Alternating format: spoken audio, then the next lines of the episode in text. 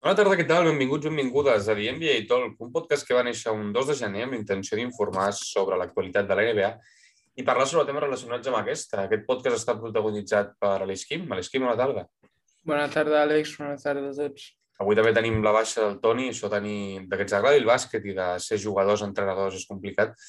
Però bueno, estem l'Aleix Quim i jo per, per parlar bueno, de, del super playoff, no dels playoff, no del super playoff, estem tenint eh, bueno, aquesta primera setmaneta i mitja.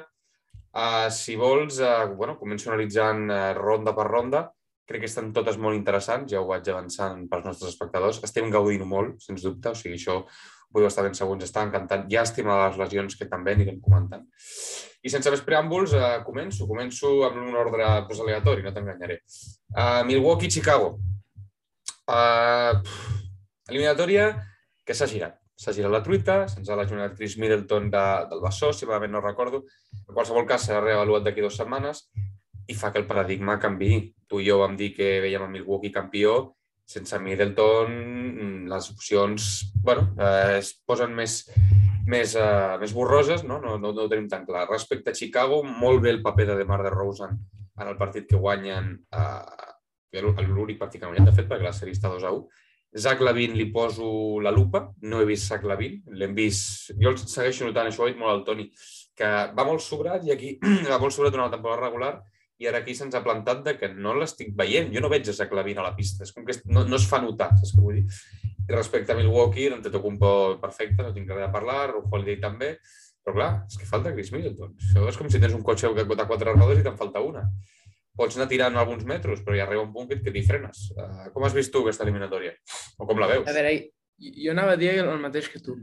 Uh, Zach Lavin no, no, no, el veig, no el veig a la vista. Um, òbviament també estan sentint la falta de Lonzo Ball, que, que sí. està lesionat.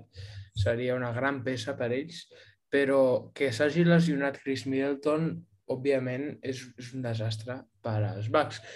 I jo penso que igualment acabaran guanyant els Bulls perquè l'única manera que els Bulls van guanyar de, dels Bucks va ser amb el DeRozan fotent quasi 50 punts és una mala senyal, com hem parlat dels Lakers sobre la temporada sencera i l'Ebron fent tants punts, pues que DeRozan ho hagi de fer i que no hagin guanyat de 50 uh, eh, és, és, no, no és una bona notícia. I clar, Zach Lavin no, no està apareixent. Uh, òbviament, és una, és una, crec que és la seva o una de les seves primeres experiències a playoff uh, i no havia, no havia, igualment si hagués jugat, que no, no ho sé, um,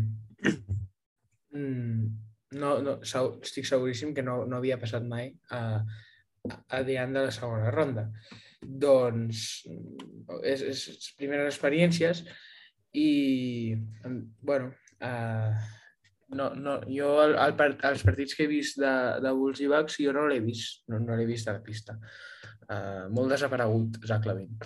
Uh, però bueno, jo penso que igualment els Bulls passen perquè Antetokounmpo és, és, una altra, és, una altra, és una bèstia, no, no hi ha a comparar-lo. Els Bucks, els Bucks, has dit els Bulls, però entenc que volies dir que els Bucks... Això, els Bucks, perdoneu-me. Sí, eh, bueno, jo sí, és que, eh, mira, el partit, eh, el Game 3 ho diu tot. De Mar de Rose ha anotat 11 punts punxa una roda. Zach Lavin nota 15, que és poc. El resultat final és que Milwaukee guanya de 30. I Milwaukee guanya de 30 amb cap jugador superant la mitja hora de partit. Antetokounmpo 18 punts.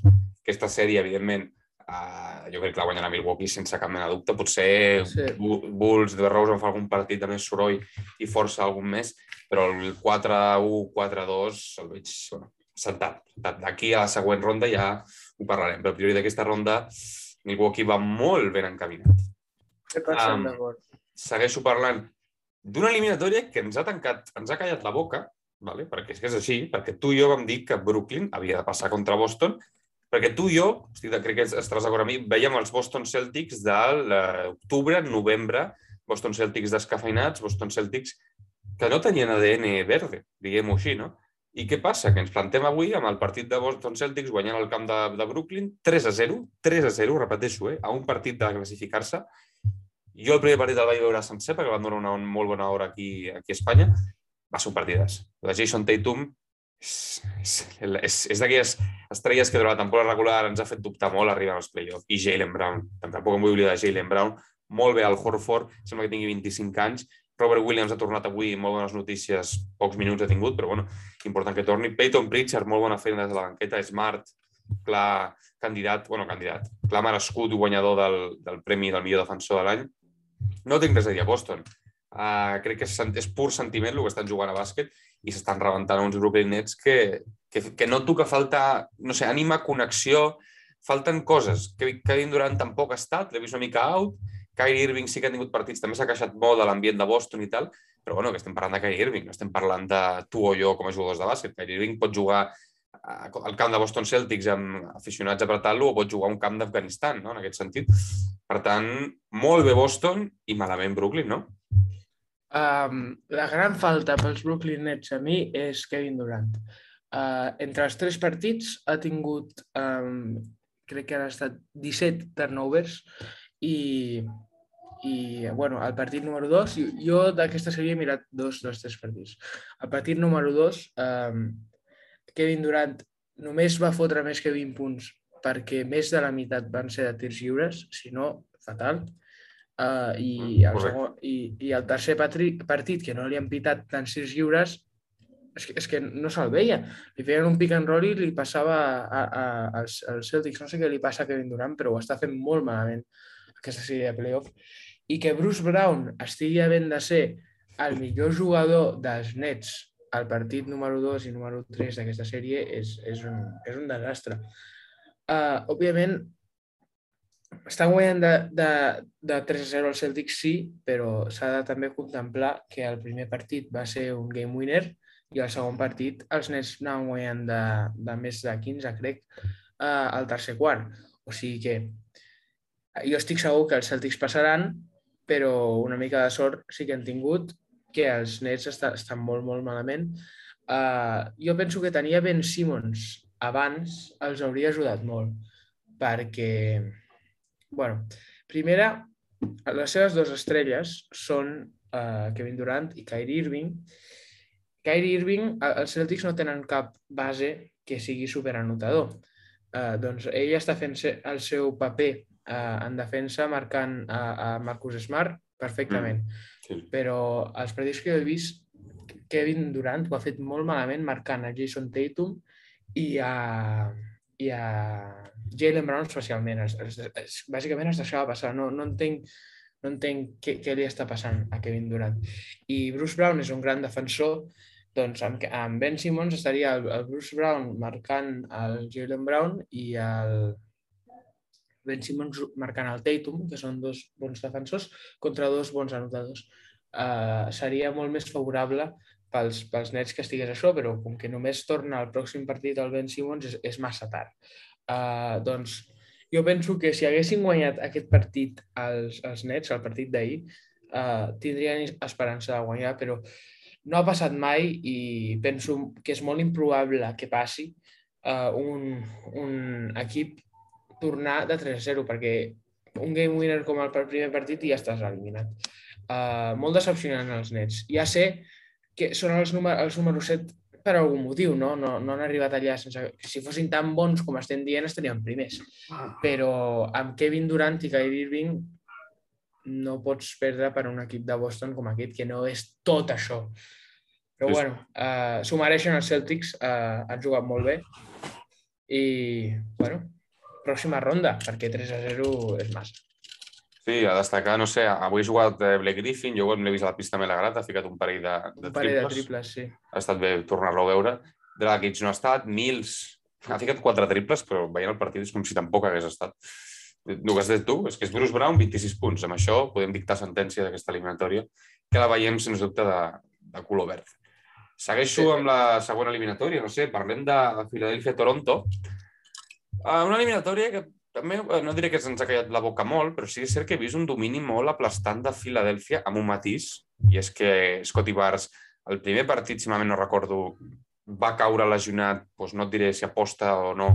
Ah, bueno, Joel Embiid va caure, li fa una mica la trabanqueta, cau amb el turmell, bueno, total, que es lesiona, i Filadèlfia els tres partits, eh, bueno, aquell partit i els dos següents va ser totalment superior. Ve Joel Embiid, ve James Harden, els de sempre, podríem dir. I ahir Eh, precisament Toronto dona la matxada a casa seva eh, i és capaç de guanyar amb 34 punts de Pascal Siakam.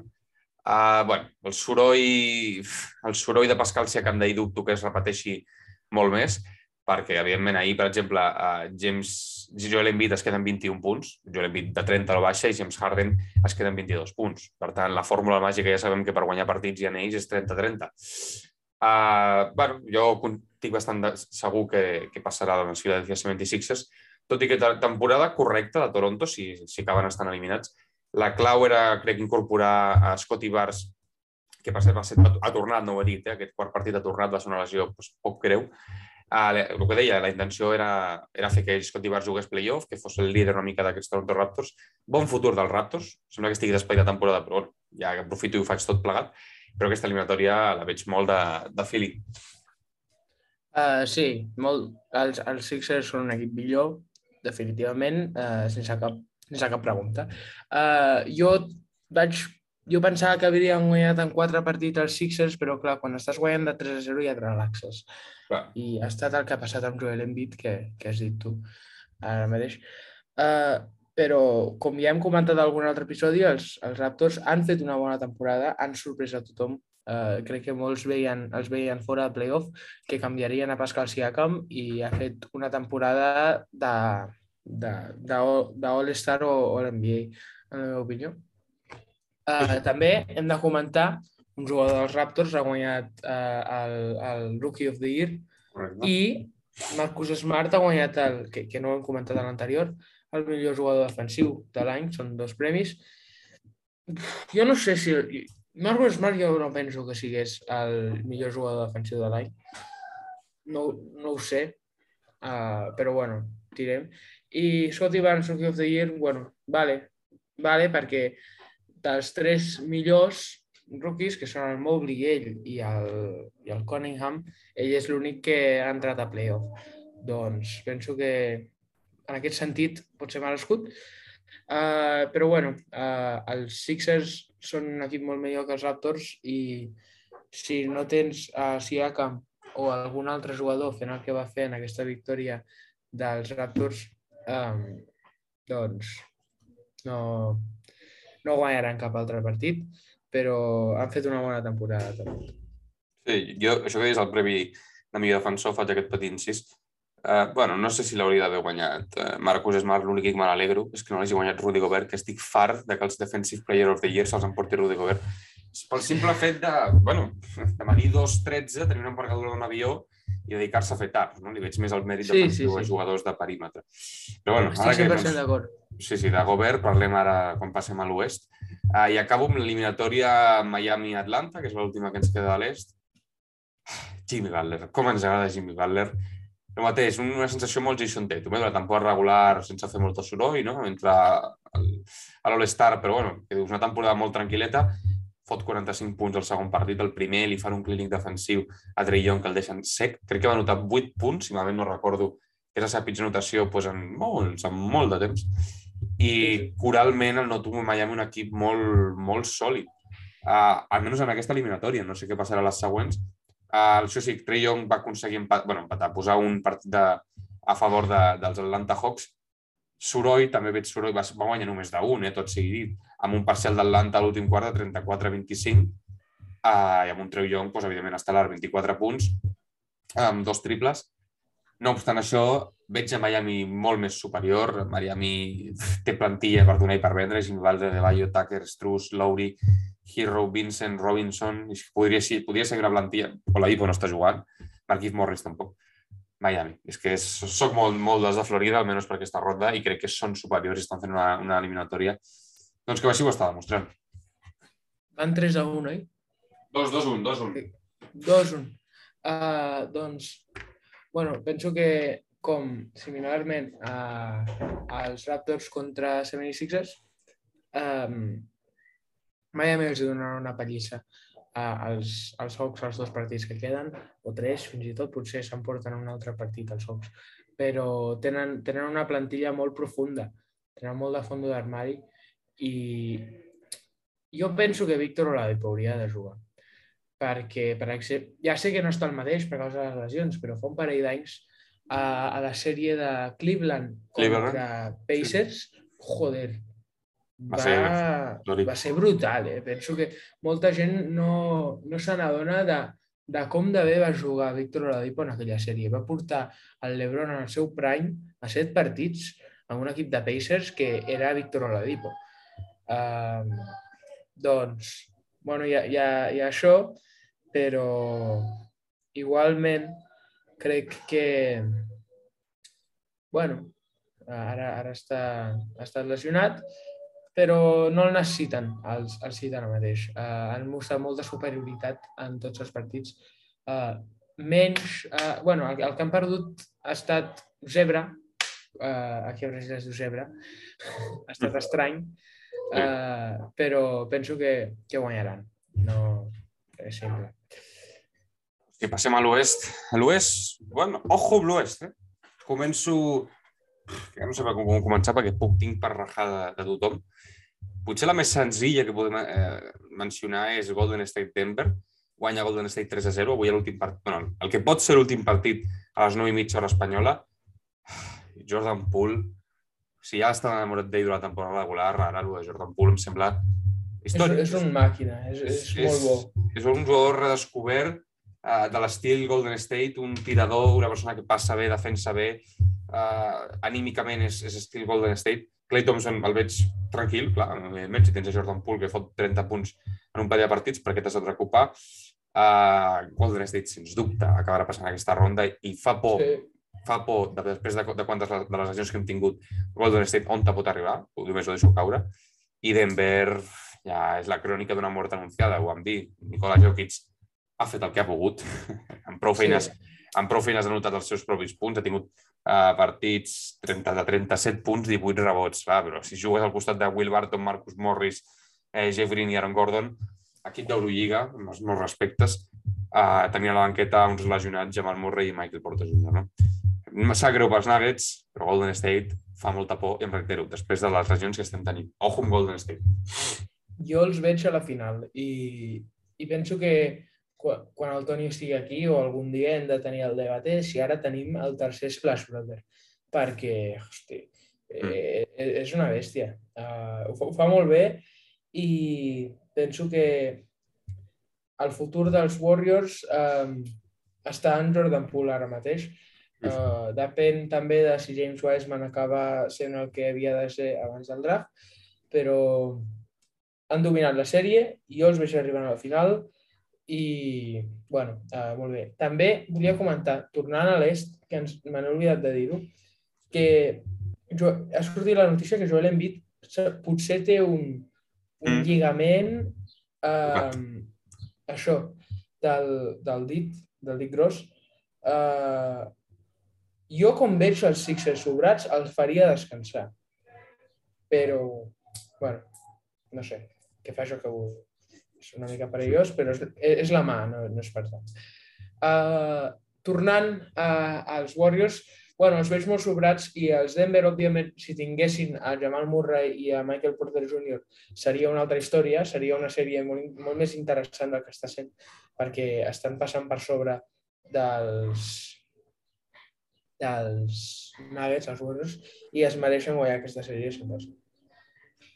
Sí, sí, totalment. I Jordan Poole Ojo al dato, 22 anys, eh? El futur... Sí, sí, només 22. Només 22 anys i els, el, les anotacions d'aquesta sèrie de playoff han sigut 27, 29 i 30. Eh? Ho deixo caure i que cadascú jutgi pel seu, pel seu propi compte. Increïble. Increïble. Passo a la sèrie trampa. Dic sèrie trampa perquè aquesta no la sabíem, la setmana, fa un parell de setmanes degut a l'accés al play-in. Phoenix, New Orleans, alarma a Phoenix, a Arizona, se'ns ha lesionat Devin Booker esguins al turmell, el, no, sé quin, no recordo ben bé quina part de la cama. En qualsevol cas, esguins, reavaluat d'aquí dues setmanes. En dues setmanes te'n pots anar de vacances, faig un altre parèntesis. I New Orleans, que ja Brandon Ingram ja són uns anyets a la Lliga, que ja porta fent soroll anys, McCollum, no em vull oblidar de McCollum, sens dubte, que també sap el que és estar eliminat a primera, segona i finals de conferència.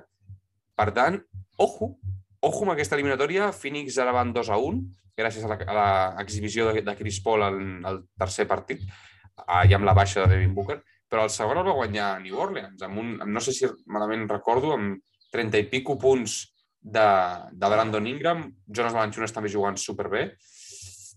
ojo, eh? No ho tinc del tot clar, a veure com torna... Si torna Devin Booker, si no estan de vacances ja, perquè New Orleans no té cap baixa, New Orleans no té res a perdre, Chris Paul 36 anys, i aquí, no, ja dic, no les tinc totes amb mi. Eh? El partit que t'hi comentava van ser 37 d'Ingram, uh, 10-13 de Balanchunas, 23 de McCollum, i Phoenix, clar, va punxar, no estava Devin Booker, doncs van faltar punts de... No, sí, estava Devin Booker, en aquest partit fins i tot estava Devin Booker. Ara sobre es lesiona. Ui, ui, ui, ui, ui. Sí, sí, ui, ui, ui. Um, igualment, però... Eh...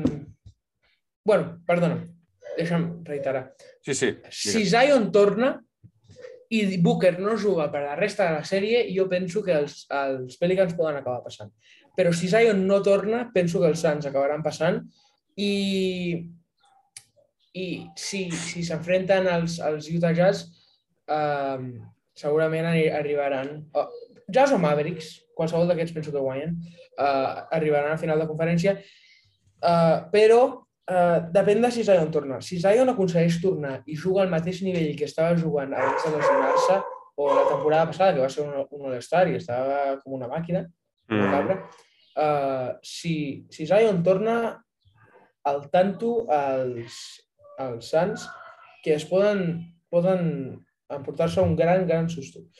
Però ara com ara, penso que els Sants guanyen per la per l'experiència que té Chris Paul.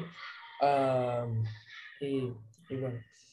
També volia, volia parlar, no sé si, Àlex, tu, tu ja ho has sentit, aquest, aquest mito de l'Scott Foster, a l'àrbitre. Sí que l'he vist, sí, l'Scott Foster. Que juga, que juga contra Chris Paul, que de 14 partits que uh, Scott Foster ha arbitrat de playoff de, de Chris Paul, Chris Paul els ha perdut i casualment el partit que han guanyat els Pelicans estava estava Scott Foster. Scott Foster. Ai, Pues... jo, jo si fes que la NBA això m'ho faig mirar, eh? És que és, és, és, és fort, eh? I perquè són 14 i crec ara ho dic de, de, de memòria una mica, crec que no tots han sigut play-off o primera ronda, han sigut partits aleatoris, vull dir que no... Ah, sí? Sí, crec ah. que sí. Per tant, que no ah, és... Vale, vale. O sigui, que sí que han sigut molts de play-off, però que no han sigut tots de primera ronda o tots de semifinals de conferència, saps? Han sigut partits ja. diferents, diferents anys, diferents equips, i que vagis 14-0 contra Scott Foster, NBA, Sí. fes-t'ho mirar. Sí, sí, fes-t'ho mirar, exacte. Bueno, un d'ells va ser un partit d'eliminació, Game 7. Amb Ah. Clippers? Clippers a, Spurs, no? a semifinals de conferència i jo penso que els Clippers haurien de guanyar aquell partit i, bueno, va ser qüestionable. Bueno, del, del resum que he mirat, perquè òbviament jo era molt petit a l'època. Sí, sí. Però... És, és per, per pensar-s'ho, per Com pensar passa?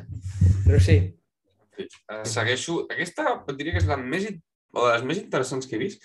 És la de Dallas Utah, i, i curiós, eh? El primer partit se l'emporta Utah, si malament no recordo. El segon, Jalen Branson fa un festival. El tercer el torna a guanyar Dallas. I ahir, uh, ahir, a veure si ho dic bé, torna Luka Doncic. torna Luka Doncic i guanya Utah Jazz d'un. Moltes coses a dir, aquí tinc. Per començar, Donovan Mitchell té cara de pomes agres des que entra al pavelló fins que surt del pavelló. Això ja ho dic, veig a Donovan Mitchell out temporada que ve. A Gobert, 100%. a Gobert no li passa la bola. I ho he vist per estadístiques i m'he fixat el partit detingudament. A Gobert no li passen les pilotes. Mike Bueno, Conley, a veure, a la última jugada li ha passat uh, per miracle, però estic si no li passa i, i jo el veig fora Utah també. Continua. sí, sí. Després deia Mike Conley, els números, eh, bueno, lamentables. 6 punts ahir, dos rebots, 4 assistències. Crec que està cobrant, no sé, 20, deixa'm que t'ho miri ara, veure, el salari de Mike Conley, perquè crec que és un detall a posar en context.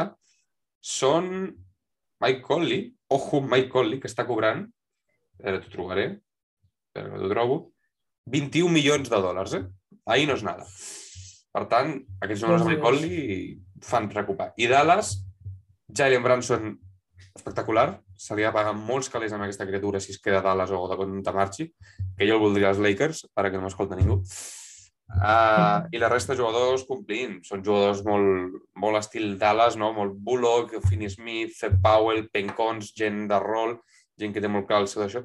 Doncic va tornar, molt bé, 30 punts, 10 rebots, però clar, és una llàstima que perdis d'un, no? Podia haver estat la sèrie 3 a 1. No, independentment, no sé si pot acabar, acabar guanyant a Utah, que ho dubto molt, perquè el factor camp el té a Dallas, si dic bé.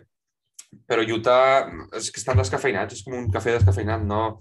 Passin o no passin, veig l'equip dissol, ara mateix a la pista i la temporada que ve fora d'ella. Per tant, uh, molt a favor de Dallas, en aquest sentit. Uh, jo penso que pot passar qualsevol cosa en aquesta sèrie, és una sèrie que està interessant, però passi el que passi, jo no els veig arribant a passant de segona ronda no. i Donovan Mitchell um, farà, demanarà un canvi i Rudy Gobert el canviaran perquè no pots tenir-lo com a la teva estrella i Mike Conley estarà com a gent lliure i aquí començarà el rebuild del, dels Utah Jazz, que penso que és necessari perquè no està ben construït a l'equip que tenen ara mateix. Um, però sí, estic, això de que el, el Mitchell no li passa al, al govern. govern. Jo he, he aconseguit mirar un partit d'aquesta sèrie i estic d'acord amb, amb això. I també hi ha que els, els partits de temporada regular, que jo he mirat els que han jugat contra els Kings, um, que tampoc li passa a, a Gobert. I és, és un problema i estic 100% d'acord que jo el veig, el veig fora. El veig fora.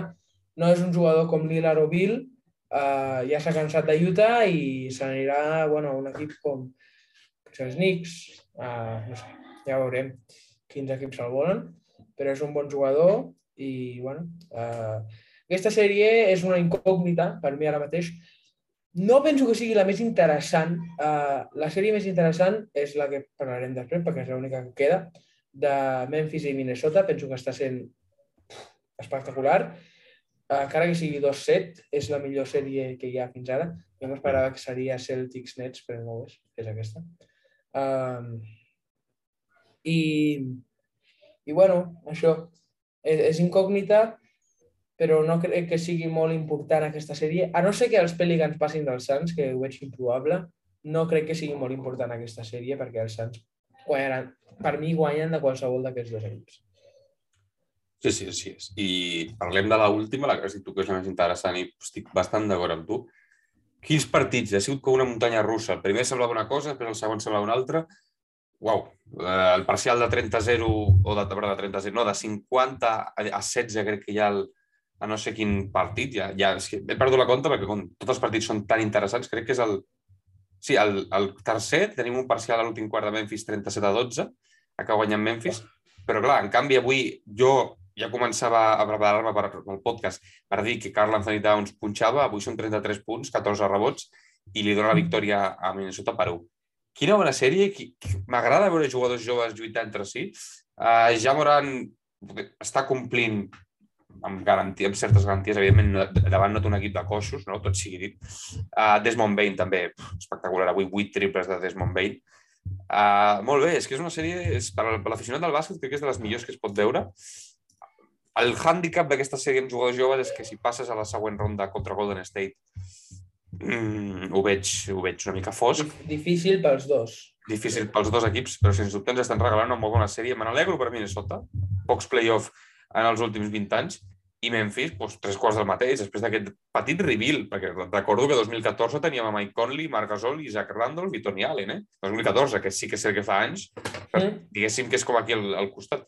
I en qüestió d'unes quantes temporades ha aconseguit muntar un equipàs amb Jamoran, jugadors joves, Jalen Jackson, el futur, evidentment, és espectacular, i molt bona sèrie, estic gaudint. Ja sé que estic molt fanboy, eh? però és que m'està encantant aquests play-off i aquesta sèrie en general. Sí, uh, 100% d'acord amb tot el que has dit. Uh, Desmond Bain està mostrant ser una peça molt important per als, per als Memphis Grizzlies. M'agradaria parlar del tercer partit de la sèrie, que també és molt... Um,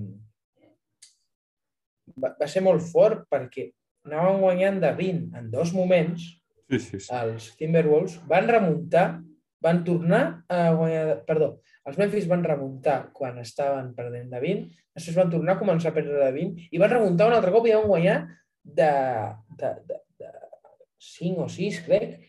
bueno, va ser un desastre aquest partit pels, pels Timberwolves i a sobre que va ser a casa d'ells. Però eh, el, el pròxim partit, òbviament, el guanyen i, i bueno, sí, estic d'acord amb que és la, la sèrie més interessant eh, tens a Desmond Bain, John Morant i, i Jaren Jackson Jr., que és un trio molt infravalorat, en la meva opinió. Uh, ho, fa, ho fa molt bé. La defensa de, de Jaren Jackson Jr. és, és molt bona. A mi m'agrada com ho fa defensivament. Um, però sí, jo penso que és la sèrie més interessant fins ara i bueno, jo penso que arriben al partit 7 i aquest partit 7 serà un partit que si t'agrada el bàsquet les admiracions. Sí, sí, totalment. Quins bons play-offs estem tenint. Sí, sí. Que maco que està tot. Eh, No tinc, tinc poques paraules per descriure-ho. Perquè ara, bueno, clar, evidentment ja ho he dit, eh, se'ns canvien una mica els paradigmes. En l'àmbit de l'est, doncs ja tinc dubtes. Perquè si, si em diguessis, Àlex, qui hi haurà als finals? Doncs pues que no t'ho sé dir. Perquè clar, ja dic, deia Milwaukee, ara se'ns lesiona Middleton. Deia Brooklyn. Però Boston està pallissant de moment a Brooklyn. Ves que no tinguem un 4-3 la setmana que ve ens caig la boca. Però bueno, complicat és, si més no. A Filadèlfia, Joel Embiid li fa mal al dit. A Atlanta, Trey Young està encostipat. Miami sembla que sí, però clar, no sabem si serà de fiar als moments crítics. I de l'oest, de l'oest sí que ho tinc més senzill, diria Golden State. Si no Golden se'ns State. Ningú, perquè sempre se'ns acaba lesionant algú i és tot horrible. Si no se'ns lesiona ningú, els Splash, els, els Three Splash Brothers, ja ho podem dir, se'ns Sí, plantaran al final, sens dubte. Per tant, que maco, que maco està això. Hòstia, estic molt content amb aquests playoffs. Ja tocava, eh, viure alguna Jo cosa així. també, jo també. Uh, sí, tenim molt... Aquesta nit, es, parlem dels partits d'aquesta nit, hi ha el Game 4 de Milwaukee a Chicago Bulls, que comença en 45 minuts, des que estem gravant aquest podcast. Uh, després tenim a les 9 i mitja, pot tancar la sèrie Golden State. Dic, tot això és hora, evidentment, espanyola, ja sé que tu, Alice Kim, vius a l'altra part del planeta, per tant, Bueno, són franges sí, sí. diferents. Miami, Atlanta, Game 4, eh, veurem si és el 3-1 de Miami, i Phoenix contra uh, New Orleans, veurem si Pelicans fa soroll i posa el 2-2, eh? Estarà, estarà molt maco, la veritat. Així bueno, sí, que, molt interessant tot. Tot plegat. uh, doncs això, hem repassat una miqueta el, com va la situació actual ara dels playoffs. Esperem la setmana que ve tenir el Toni, que hem tingut baixa aquests dos últims episodis per, per, bueno, per tema bàsquet. Uh, esperem recuperar-lo, seguirem analitzant-ho aquí, està la cosa molt maca. Us recomanem que no us perdeu els playoffs, és de lo millor que podeu fer. A més, és primavera, fa sol, és fantàstic tot. I a sobre NBA playoff a bona hora. Estupend. Sí, senyor. En fi, a l'Esquim, eh, gràcies per acompanyar-me i analitzar els playoffs un dia més. A tu, Àlex. I a la gent que ens escolta també, moltes gràcies per seguir-nos, com sempre. Ens escolteu la setmana que ve, esperem que amb el Big 3 el complet. I això, gràcies per seguir-nos, una abraçada i adeu.